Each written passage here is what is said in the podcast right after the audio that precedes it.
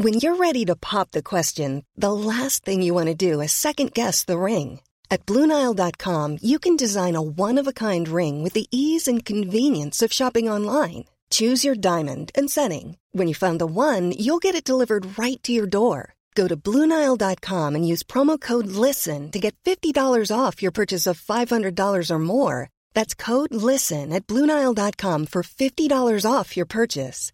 Bluenile.com code LISTEN. Hi, I'm Daniel, founder of Pretty Litter. Did you know cats tend to hide symptoms of sickness and pain? I learned this the hard way after losing my cat, Gingy. So I created Pretty Litter, a health monitoring litter that helps detect early signs of illness by changing colors, saving you money and potentially your cat's life. Pretty Litter is veterinarian developed, and it's the easiest way to keep tabs on your fur baby's health right at home. Go to prettylitter.com and use code ACAST for 20% off your first order and a free cat toy. Terms and conditions apply. See site for details.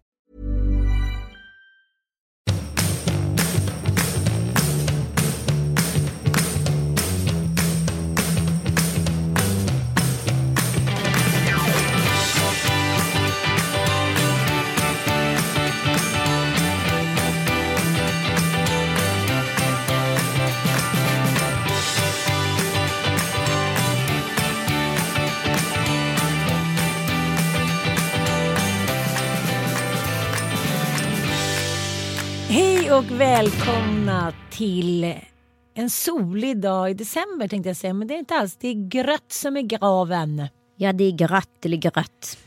Gud, alla är så här. Åh, det är ju snart jul och det är julestämning och fan, jag har inte plockat fram en tomte i år alltså. Gud, nej men här är det pyntat och grejat och jullistan är på hemma och oj oj oj så fryntligt det är. Vi går på stan och köpte julklappar.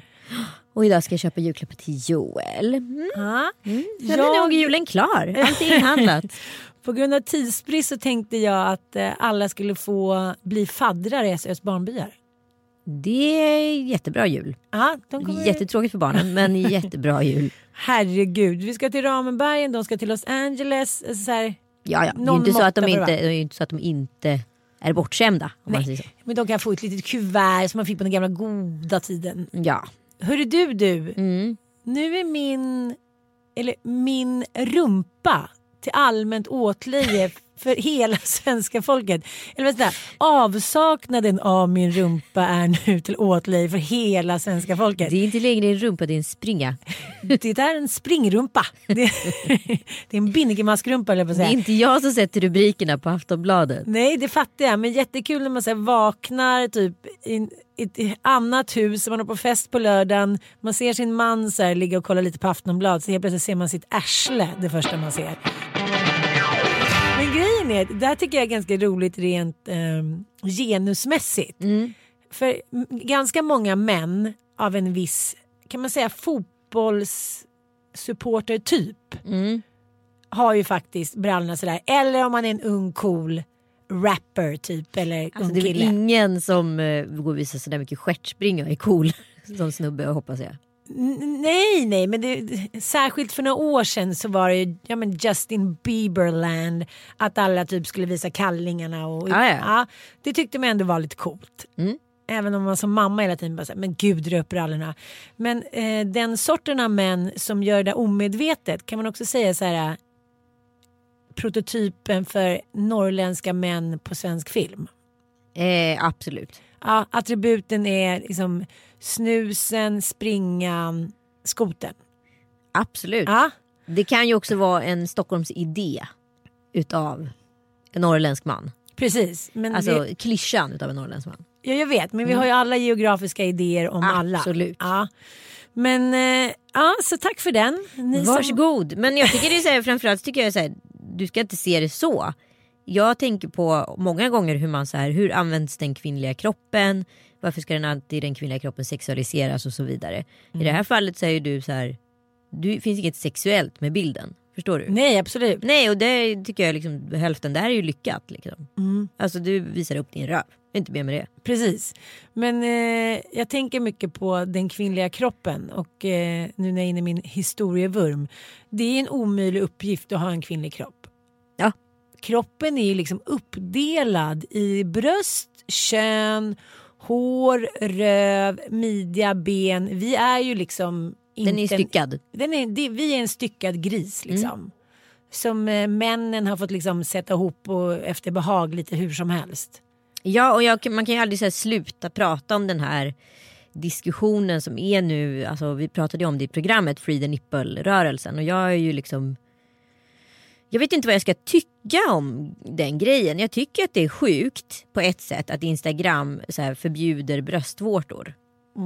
Eh, för... Inte mina. Nej men Jag har fått eh, dispens. Din, dina, dina har fått dispens. Nej men att de förbjuder bröstvårtor. Eh, och jag tycker ju att det, det, är, det är klart att det finns en skillnad och en jättepositiv förflyttning i att kvinnor själva tar sin egen sexiga bild. Men problemet som jag upplever när jag kollar på Instagram exempelvis det är att så här, den här sexiga bilden som en cool dansk influencer lägger upp på sig själv. Eh, där hon är superhärlig och liksom, i hennes forum är det en, liksom en pigg, sexig, härlig bild på henne. Där hon står med ett par perky nipples och är liksom så glad och ung som hon ska vara. Liksom. Men den bilden plockas ju upp utav random så här herrkonton. Och läggs in i en annan drivhög liksom, utav andra tjejer och andra bilder och andra syften att exponeras där män kanske har tagit bilderna där de kanske är för en Playboy-tidning eller lik motsvarande herrmagasin. Och helt plötsligt är då den här danska influensens härliga sexiga bild inte alls hennes härliga sexiga bild längre utan faktiskt tagits, alltså stulits utav männen. Så jag är ju liksom så här dubbelt till Free the Nipple grejen för att jag tycker att det är skitbra att man ska faktiskt kunna prata om att få visa bröstvårtan. Men bröstvårtan används fortfarande fel och därför tror jag ibland på att så här, Instagrams regler runt Free the Nipple kanske är vettiga. Men jag är så jävla Ja, dubbel jag fattar, här. jag fattar. Men jag är då regeln som bekräftar undantaget för jag ligger då med barn och ammar och det är väldigt få som vill sätta in det i ett annat mer frifräsarkontext. Det vet inte du. Nej, nej vadå? Det finns ju värre fetischer än så om Mm. man säger så. Bebisfetischen till exempel. Gud. Eh, nej, jag håller med. Det är svårt och det, det, liksom, deras roll är ju att här, säkra att vi alla skyddas i sociala medier. Så att, eh, ja, när du eh, lägger fram det sådär så låter det jävligt vettigt. Ja nej men och det är så här, vi har ju inte rätten, precis som vi pratade om den uppstyckade grisen, vi har ju inte rätten till vår kropp och det kommer vi aldrig ha. Spelar ingen roll om vi trycker på avtryckaren på telefonen själva eller om en man gör det. Det är någon annan som kommer använda vår bild till ett annat syfte. Jag tycker ändå vi ska stanna kvar lite i det här landet för ja, det är ju fortfarande i kölvattnet utav metoo. Ah. Det håller ju verkligen inte på att ebba ut men den, den har ju bytt form sen den exploderade. alltså som en Mm, absolut. big bang för t- tre månader sedan. Är Eh, det tre månader sedan? jag tror det är tre månader sedan. Gud. Och eh, jag kommer ihåg att jag såg en dokumentär för några år sedan eh, om en ö. Någonstans eh, med en ursprungsbefolkning. Jag kommer inte ihåg var exakt geografiskt den här ön var. Och en gång per år så hade de en rit där alla kvinnorna skulle bli, gå från ungdom till kvinna, alltså de eh, unga kvinnorna. Eh, och den här dagen var stor för de här kvinnorna. De eh, gjorde sig fina, de var lite, lite, liksom, liksom uppspelta och sådär. Oh, oh, oh, idag ska jag bli kvinna och det var en stor grej. Eh, och när man ser och sen förstår då kontexten som utav dokumentären som västerlänning så inser man men herregud nu ska alltså männen gå ut och ligga med valfri ungdom för att göra den till kvinna. Det här är ju någon typ av massvåldtäkt. Ja. Det här är helt sjukt. Men kvinnorna på den här ön tyckte inte alls det utan, eh, och förstod inte alls det västerländska perspektivet som inte heller kanske tutades på dem. Eh, utan tyckte att det här var en härlig stund eh, som männen och kvinnorna hade tillsammans och det gjorde dem till kvinnor. Eh, och om man tänker på 90-talet, om man tänker på 10-talet eller 00-talet, då kan man ju nästan tänka att det metoo har gjort, det är ju att berätta för en ögrupp kvinnor att de har blivit massvåldtagna. För att vi som då var med på den tiden och inte förstod det, när alla liksom lever i, enligt riten och tycker att det här är uppvaktning, det är så här samhället ska fungera och inte ens ifrågasatt normen. Vi är kvinnorna på den ön. Jag vet, men det är ändå många kvinnor som har ifrågasatt normen. Jo det är det men det är det jag menar. Som precis, alltså det, man pratar om eh, hur det har varit samhället på ett väldigt logiskt och pedagogiskt sätt. Så är det ungefär som att förklara samhället för en 90-talist som det var på den ön. Att alla tyckte att det var en liten här, inte alla men många tyckte att det var en liten härlig kärleksrit bara. Inga konstigheter. Ja, men, lite som du och jag har pratat om, även fast man har tänkt så här, jaha det är så här det ska vara och har man inte blivit tafsad på så har det inte varit bra. Har man blivit tafsad på så har det ändå känts konstigt i magen. Men man har tänkt att det är så här det ska vara. Men så måste det ju säkert ha varit för de här kvinnorna också. Att de har gjort sig fina, nu ska de bli intagna i liksom den sexuella och den kvinnliga. Säkert liksom. har många kvinnor varit rädda, vissa kvinnor har varit super, tyckt att det här var jättespännande och så vidare. Men de har ju inte kunnat identifiera känslorna och det är det metoo har gjort. Vi har ju gått till den här ön och blivit berättade för att vi har blivit gruppvåldtagna i princip. Ja, jag vet, men, men jag känner så här, det finns verkligen ett för och ett efter. Det är lite som så här, det är lite som att sitta i, så här, vad heter den där filmen med Mel Gibson? Braveheart. Man sitter lite så här och tittar på alla offer, eh, askan som brinner lite, det är någon liten eld. Jag känner mig ganska matt efter den här hösten. efter den här metoo-kampanjen.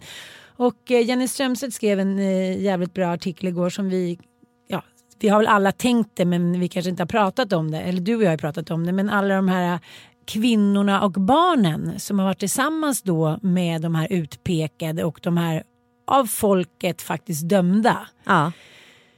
Jag bara tänker alla som ska fira jul. Alla barn som har gått och sett alla de här rubrikerna. För det som har hänt är ju att det har blivit ett jävla klickmonster i metoo. Vilket har genererat i liksom så jävla många sålda tidningar, så mycket läsning och så mycket klick. Eh, så att eh, vissa liksom press, ja, många pressetiska regler har ju liksom trampats på och det grövsta.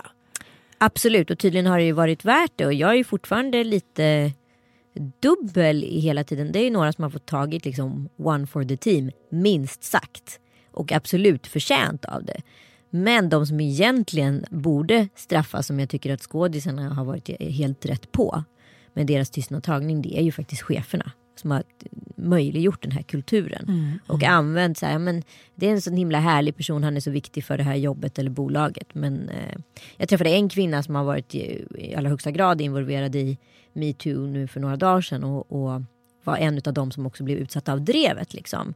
Hur, eh, hur skoningslöst det faktiskt har varit och lite som tillbaka till ön. Att så här, vi visste inte bättre då. Vi hade ingen aning och det här har ju liksom godkänts från liksom högre ort hela tiden och möjliggjorts. Eh, så att det är ju en jävligt svår liksom smocka att få i ansiktet 10-15 år senare efter en incident eller ett par, ett gäng har hänt. Liksom. Jo, jag fattar, men du vet, det som, det som jag tycker i alla fall är häftigt är att man, så här, man inser att det alltid har pågått. Ja, Och att det var jävligt... Jag, det är ju rullgardinen som har hissats upp. Liksom. ja, men jag bara satt och läste om, du vet, Esaias Tegnér, författaren. Eh, en mild markväll 1825 flydde skalden och biskopen Esaias Tegnér hals över huvud från godset Sierköping i Skåne. I soffhörnet lämnade en frustrerad kritiker friherrin- friherrinnan Martina von Schwerin. Nej, han kunde då inte nöja sig med att hon skulle ge honom kritik då eller liksom, eh, utan han skulle då in, in, han skulle prompt in och fingra under bluslivet. Och hon var inte helt o, eh, ovillig erkänner hon. Nej men här då, liksom, menar, allting, hela historien vittnar om att här, kvinnor har inte vågat skriva ut sitt namn när de har varit journalister. De blir tafsade på, de har blivit liksom eh, häcklade och de har fått fly landet. Den första kvinnan som anmälde en våldtäkt till exempel och vann. Eh, hennes karriär var helt förstörd. Hon fick fly till USA. Och det här var också på 1800-talet. Så det, är så här, det är inget nytt. Det har alltid varit en struktur att män har försökt tafsa på oss när de har haft makten över oss. Och har vi då sagt nej, då har vi ändå, ja, då har vi blivit liksom nersnackade och skvallrade om och dragna i skiten. Så det har ju varit så här, grundregeln så här, bli tafsad på, eh, tacka ja, eh, få ditt jobb. Det har ju varit villkoren egentligen fram till nu om vi ska vara helt ärliga. Som en av de här männen då som eh, eh, ja, har varit med om metoo som skriver då till en 14-årig tjej. Vill du ha det här jobbet tillräckligt mycket för att ligga med mig? Ja. Det är exakt samma sak som här på 1800-talet.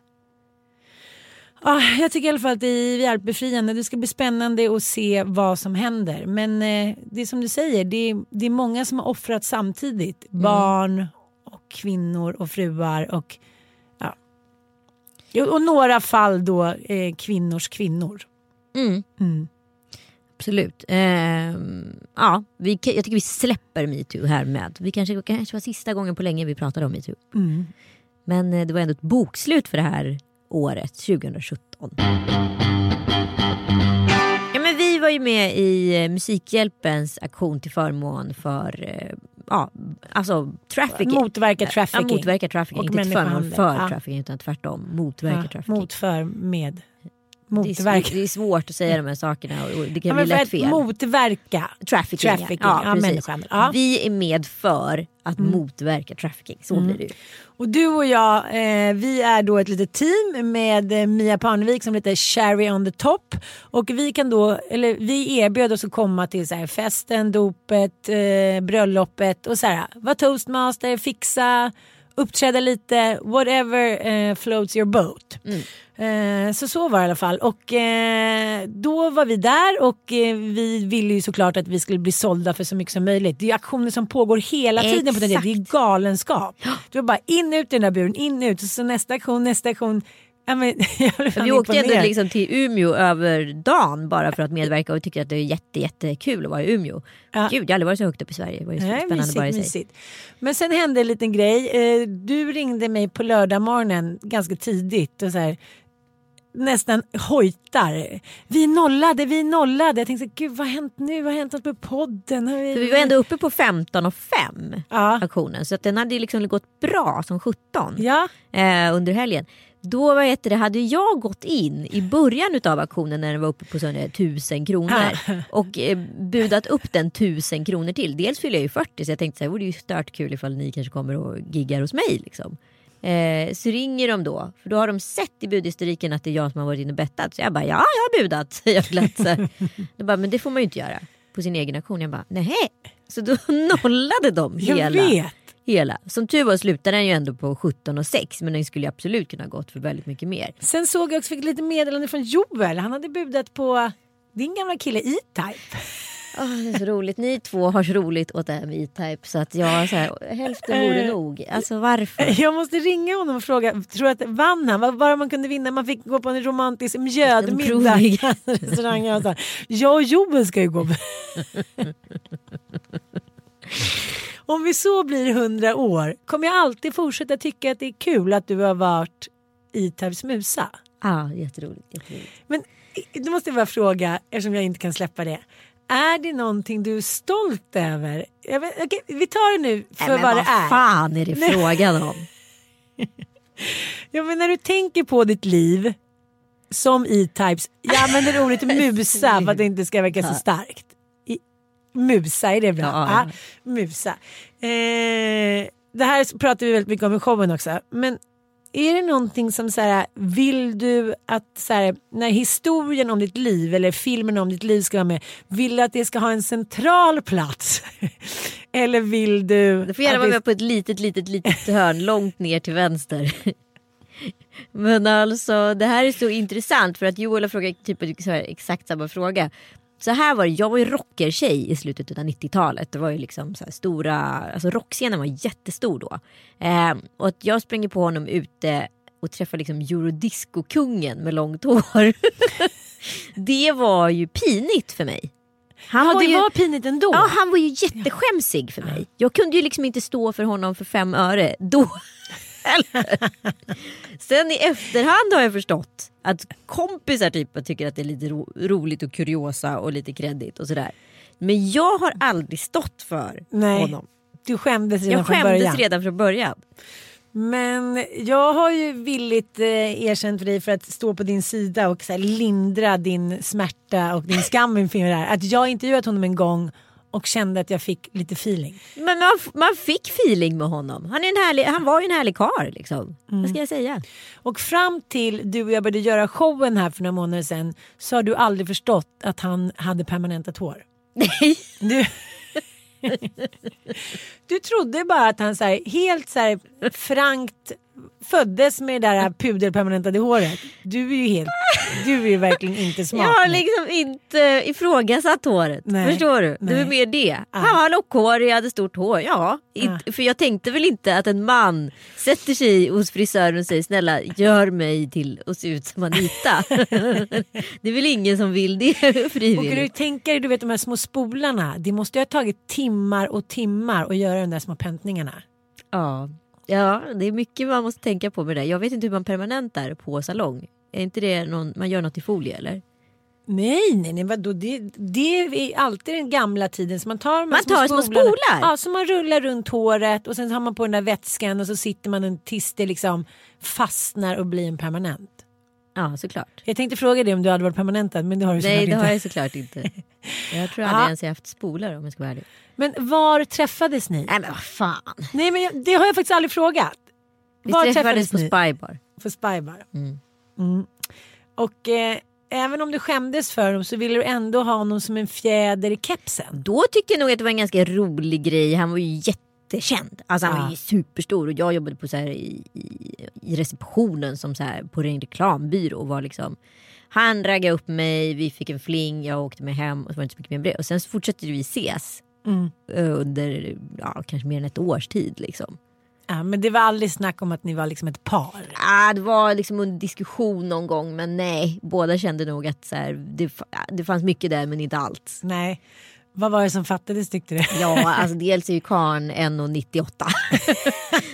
Bara gå på stan med honom för mig var jättejobbigt. Eh, och eh, sen levde vi extremt olika liv Ja. då. Och Men, jag kommer också ihåg att eh, skvallerpressen hade fått nys på det här.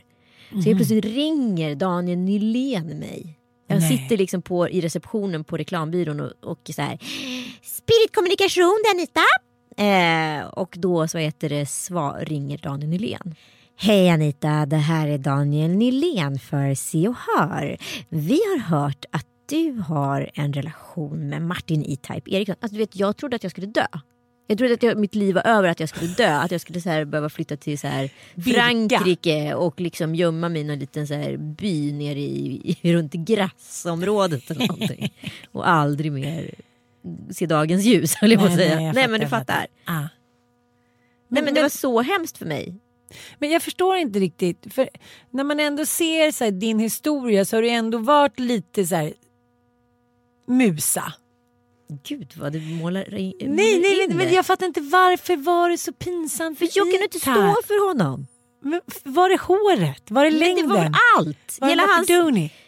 Det var väl hela liksom, alltså han med attribut. Förstår Ja, du? ja. Det var för mycket starka attribut. Det var för mycket attribut, det var liksom inte riktigt min grej. Och plus du får inte glömma bort att jag var jättekreddig tuff rockertjej med Ja. jättemycket ängslan.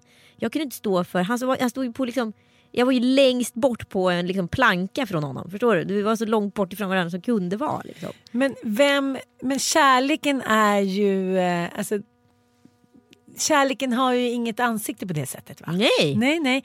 Men eh, om han hade velat, om han uttalat hade sagt så här, jag skulle vilja att vi blev ett par. Tror du att du, du hade tackat ja då? Nej men vi hade vackel både han och jag. Alltså så här, någon gång var jag lite mer förtjust i honom än han var i mig och tvärtom. Och liksom, men det funkade aldrig tidsmässigt. Och vi sågs väl ja, vi sågs för under ja, ett år, kanske mer. Ja, kanske två år till och med. Va? Ja, on and off. Men var ni så där ute och så här, var på hans vikingakrog och drack mjöd och åt vildsvin och så Nej han hade inte sin vikingakrog på den tiden. Nej nej men alltså det här var ju liksom en lägenhetsrelation. Liksom. Ja. Och eh, ibland åkte vi till hans sommarställe tror jag han hade något och sen så flyttade han till hus. Och, ja. Nej men det var ju liksom under en period vi såg så jag kommer faktiskt inte ihåg hur lång tid det var. Fick du någonsin någon så present, någon så här Tors hammare i guld? Vad du håller på. Nej, Jag, har brukar fabulera kring detta i showen. Hur roligt det vore om ni två hade blivit ett par och ni hade fått två barn, Tor och Oden. Nej, tre barn. Och Freja. Åh, vad gulligt. Och sen hade de haft så här vildsvinspälsar, tofsar med Barna Hedenäs, Barna Hedenäs. Och du gick där. Du kanske kunde haft en lite så här känguruficka som du satt i på IT eftersom du är så kort. Du kunde Det är bara du som pratar du. Bara du vet det. Och du kunde ha sån där som man kan köpa på Gröna Lund, sån här ölgrej med vikingagröna. Du kunde dricka vitt vin på birkavin. Och så ska ni gifta er i så här du kunde ta någon av de där klänningarna jag skickat någon sen natt. De lite mer så här keltiska bröllopsklänningarna. De med trumpetärmar. Du kunde ha så här mossa i håret. Och så bara så här, riktigt jävla fylleslag på bröllopet med så här. Ah, ah, Iron Maiden kunde ha spelat. Och, äh, för fan vilken saga. Jag måste få skriva den här filmen om ditt liv. Det är som mitt andra liv. Alla mina liv. Det här kunde vara med. Du har ju läst bok. boken nu. Mm. Säg vad du tycker istället.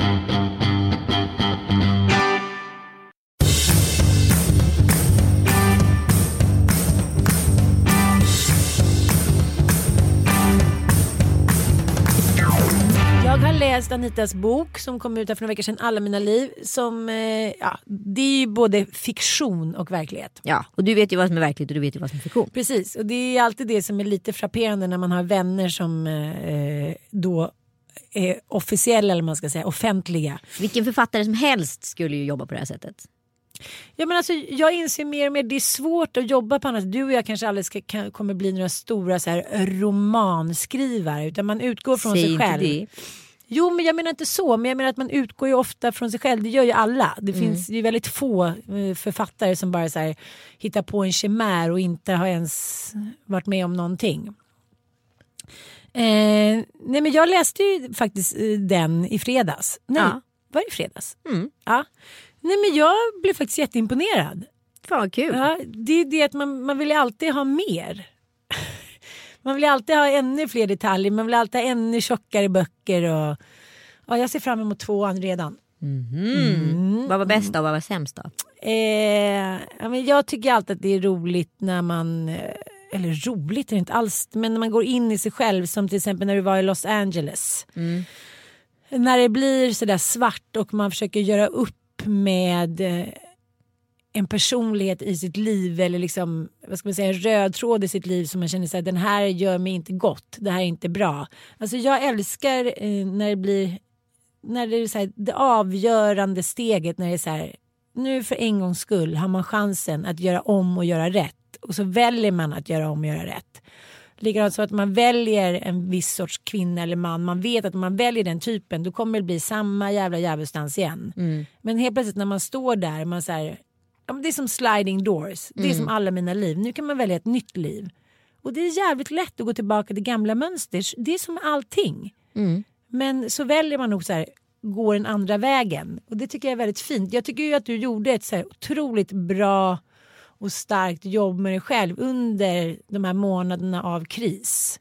Eller de mest akuta. Kris har man ju liksom i flera år efter man har lämnat en, liksom, en människa eller blir lämnad. Särskilt när man har barn. Men eh, jag tyckte du, du var väldigt beslutsam i ditt liksom vad ska man säga, personliga arbete med dig själv under de här krismånaderna. Och det, och det syns i boken. Det är Gud, vad kul. Mm. Förstår du vad jag menar? Ja, jag förstår vad du menar. Mm. Jag hoppas ju att läsarna också... Men de, de som har faktiskt läst boken och eh, tagit den till sig, de har ju alla upplevt att det var någon form av så här reflektionsbok. Mm. Att man så här, man springer bara in i något liksom och då kan man kalla att det är så här anknytningsproblem eller vad man nu vill kalla det för. Liksom. Men, men alltså alla människor bygger upp mönster i sig och vi pratade om det tidigare att så här, det är jävligt svårt att bryta mönster. Man skapar en relation.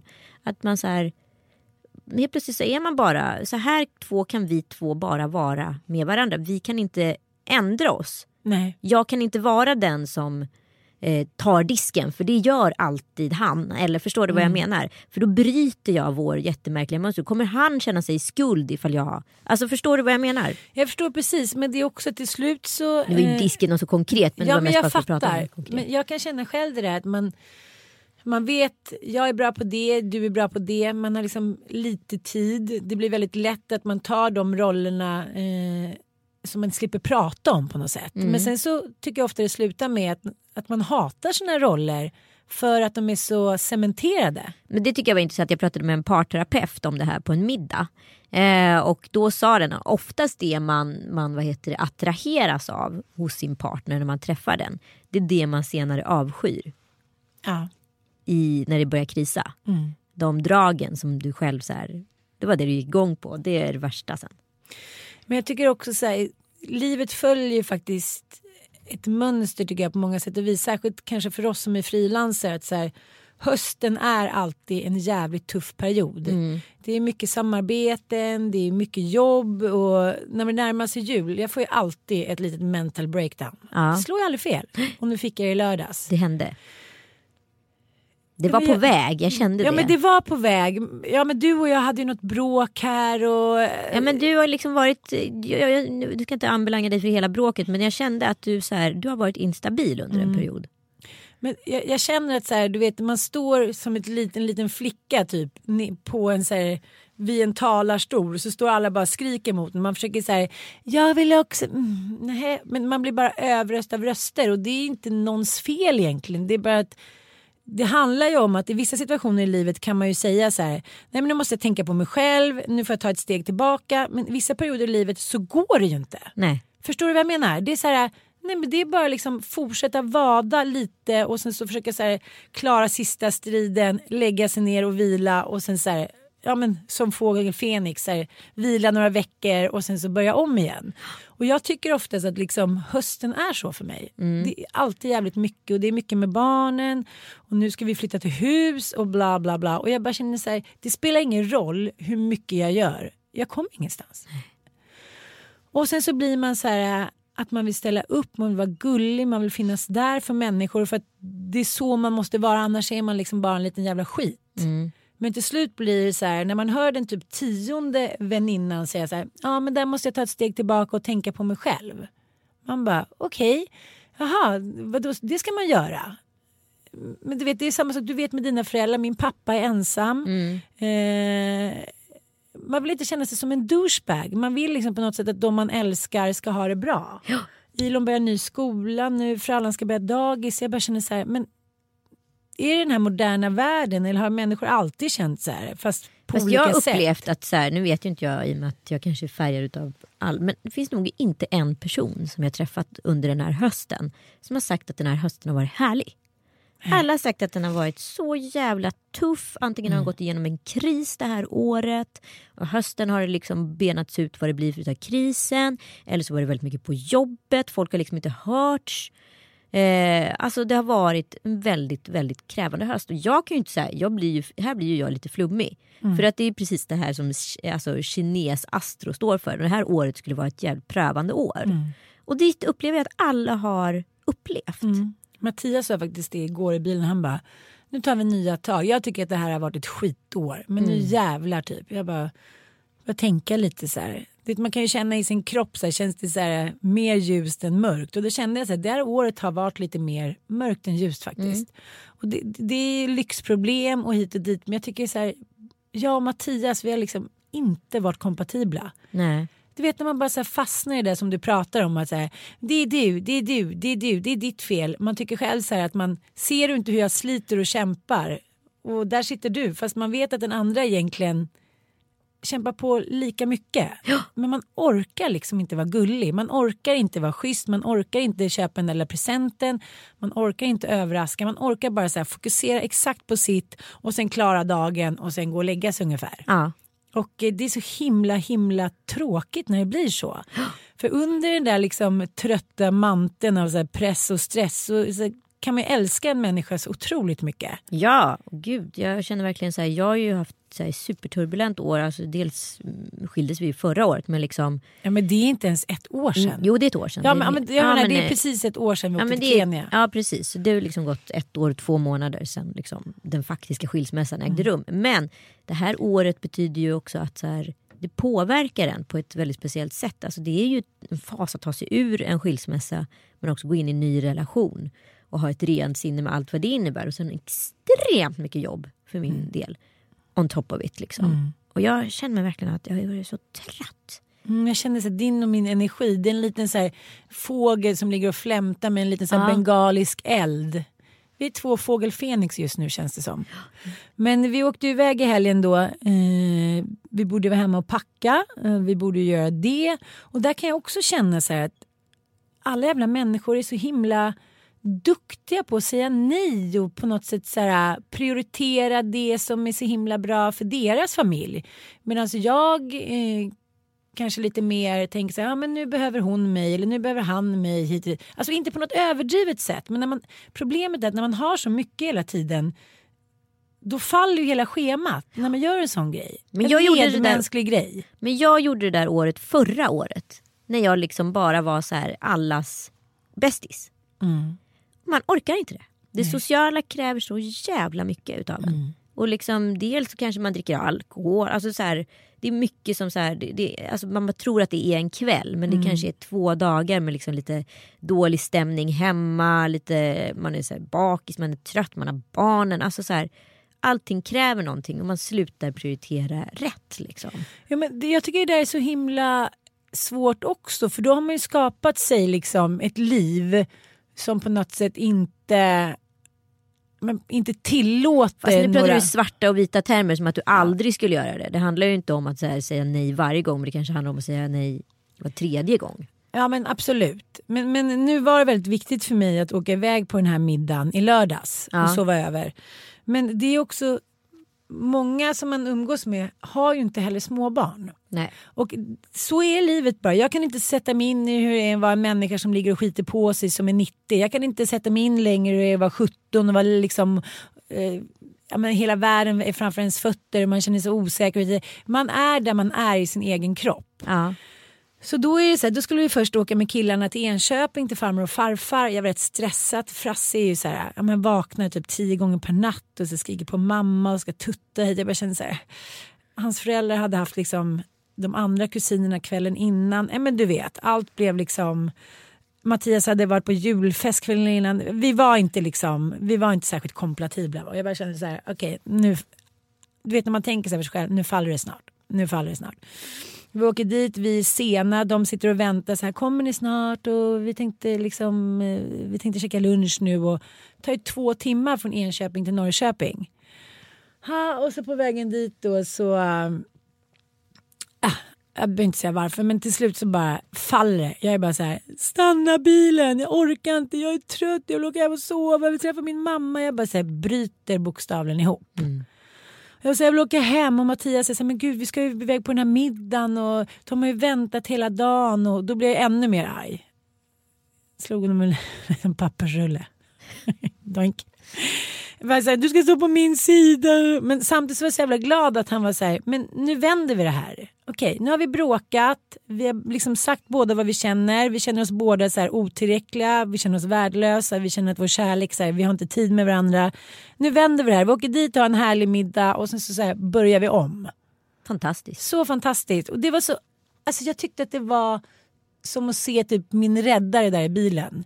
För jag ville bara krypa in i mörkret, liksom så här, bara ner med huvudet. Jag ville inte svara i telefon när de ringde, de vi skulle till. Jag ville bara så här, välja det mörka, grotta in mig i liksom äckelgöttet. Det är också så spännande att man så här hela tiden, nu kanske jag, pratar, nu kanske jag generaliserar men det är inte meningen, men att fort det börjar så här krisa då slår man inåt relationen. Det är precis där du måste så här, ta spjärn Jag vet. och Det- ta styrkan ifrån. Ja. Så jävla stort av Mattias, förlåt mig, att bara så se, vara liksom klarsynt i den situationen. Det är inte alla som klarar av det. Och det blev en så otroligt underbar kväll.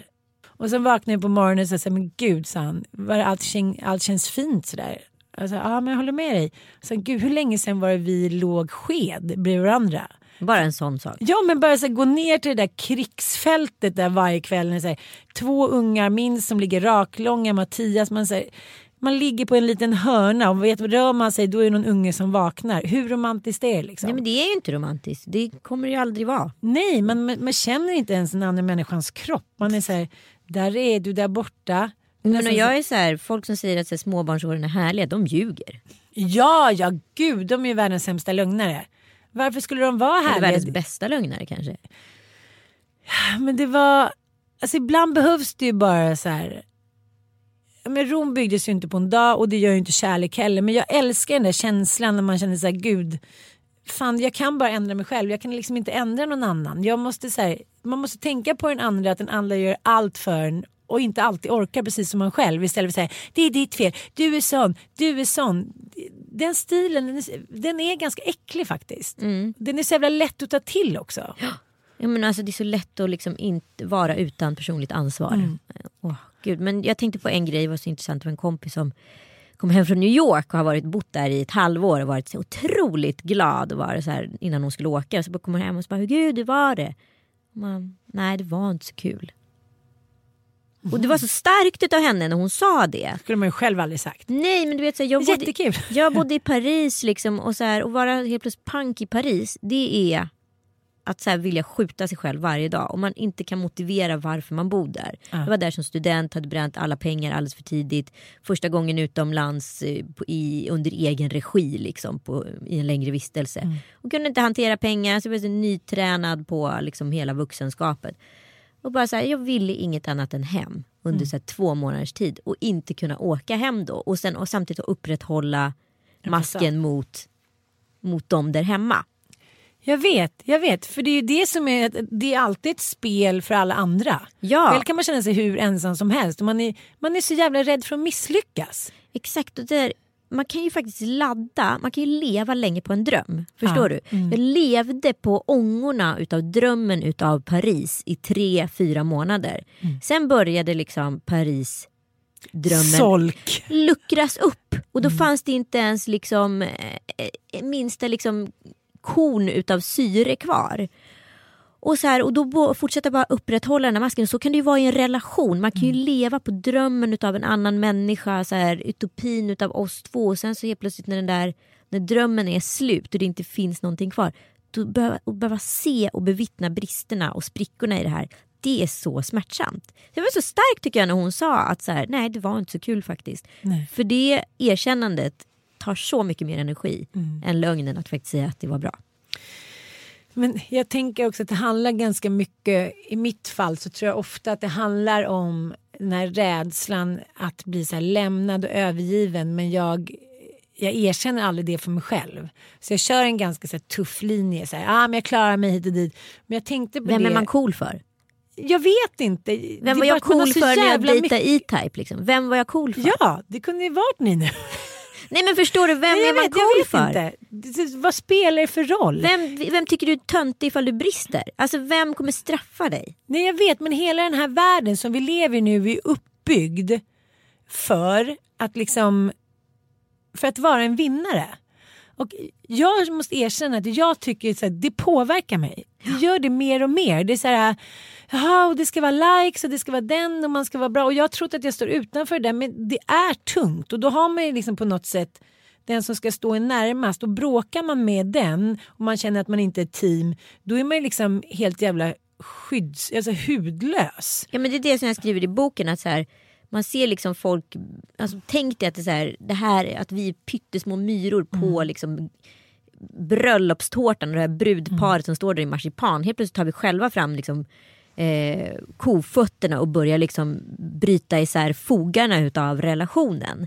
Man gör det bit för bit med allt från små så här elaka gliringar till att vara elak i språket, till att straffa den andra i mångt och mycket, att vara sur, att vara bestämd, att så här, skylla ifrån sig och så vidare. Alltså man måste bli bättre på att ta hand om relationer. Och ju mer stressad man blir ju mer eh, vägar man erkänna att man själv har fel och brister. För man gör sig själv till en så här fyrkantig person. Så här, nu ska jag klara en timme till, nu ska jag det. Jag klarar jag klarar det här. Och sen ser plötsligt så bara börjar pysa ut. Och bara, vem är närmast som jag känner mig trygg med? Jaha, det är min man. Man bara, för du kan inte göra det, det, det, det, det. Man bara låter så här. Mattias sa också det i bilen. Jag orkar inte prata om det här en gång till. Jag kan inte höra samma grejer. Det är bara samma grej vi bråkar om. Jag orkar inte mer. Jag vill inte höra ett ord till. Kan vi bara åka dit och ha det härligt? Jag bara, jaha, jaha. Men då tänkte jag också på det där på kvällen när jag så här, ja men jag satt där och var liksom lite tilltufsad och muren hade fallit och nu var det liksom, ja det var ingenting för. Och så bara kollade jag på honom så bara, för fan jag är så jävla kär i honom och han är så fin och kolla hans leende och så här, jag dör om han försvinner. Ja. Det var det väldigt, väldigt fint. Men det, ja, jag vet, men det är ju läskigt. Mm. Det är läskigt att ha så mycket att förlora att man känner det är ju så här- läskigt att älska. men det är helt vidrigt. Alltså, jag bara känner så här, tänk om inte jag vaknar upp och liksom han ligger där med foten och här, jag är lite irriterad för att han har stängt av klockan. Så här, då skulle livet vara så jävla mycket sämre. Mm. Och då kan man väl erkänna det för sig själv. Då blir allting mycket lättare och då blir det också mycket, mycket mer värt. Absolut. Mm. Men istället för att vi hela tiden ska springa runt och vara tuffa kvinnor som sett, vi klarar oss själva, Mm. attityden. Nej, det kanske vi inte alls gör. Eller det gör vi väl men vi vill kanske Nej, inte vi det kanske inte vill det. Behöver det vara så mycket svårare än så? Nej. Tack för den här podden. Tack själva.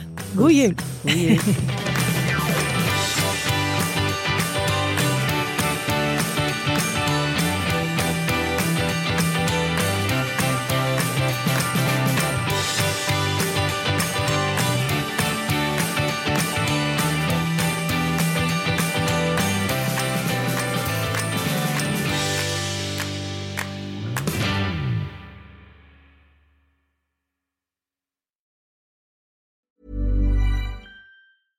Hey, it's Paige DeSorbo from Giggly Squad. High quality fashion without the price tag. Say hello to Quince. I'm snagging high-end essentials like cozy cashmere sweaters, sleek leather jackets, fine jewelry, and so much more. With Quince being 50 to 80% less than similar brands. And they partner with factories that prioritize safe, ethical, and responsible manufacturing. I love that. Luxury quality within reach. Go to quince.com slash style to get free shipping and 365 day returns on your next order. Quince.com slash style. Imagine the softest sheets you've ever felt. Now imagine them getting even softer over time. That's what you'll feel with Bowl and Branch's organic cotton sheets. In a recent customer survey, 96% replied that Bowl and Branch sheets get softer with every wash. Start getting your best night's sleep in these sheets that get softer and softer for years to come. Try their sheets with a 30-night guarantee. Plus, get 15% off your first order at bowlandbranch.com. Code BUTTERY. Exclusions apply. See site for details.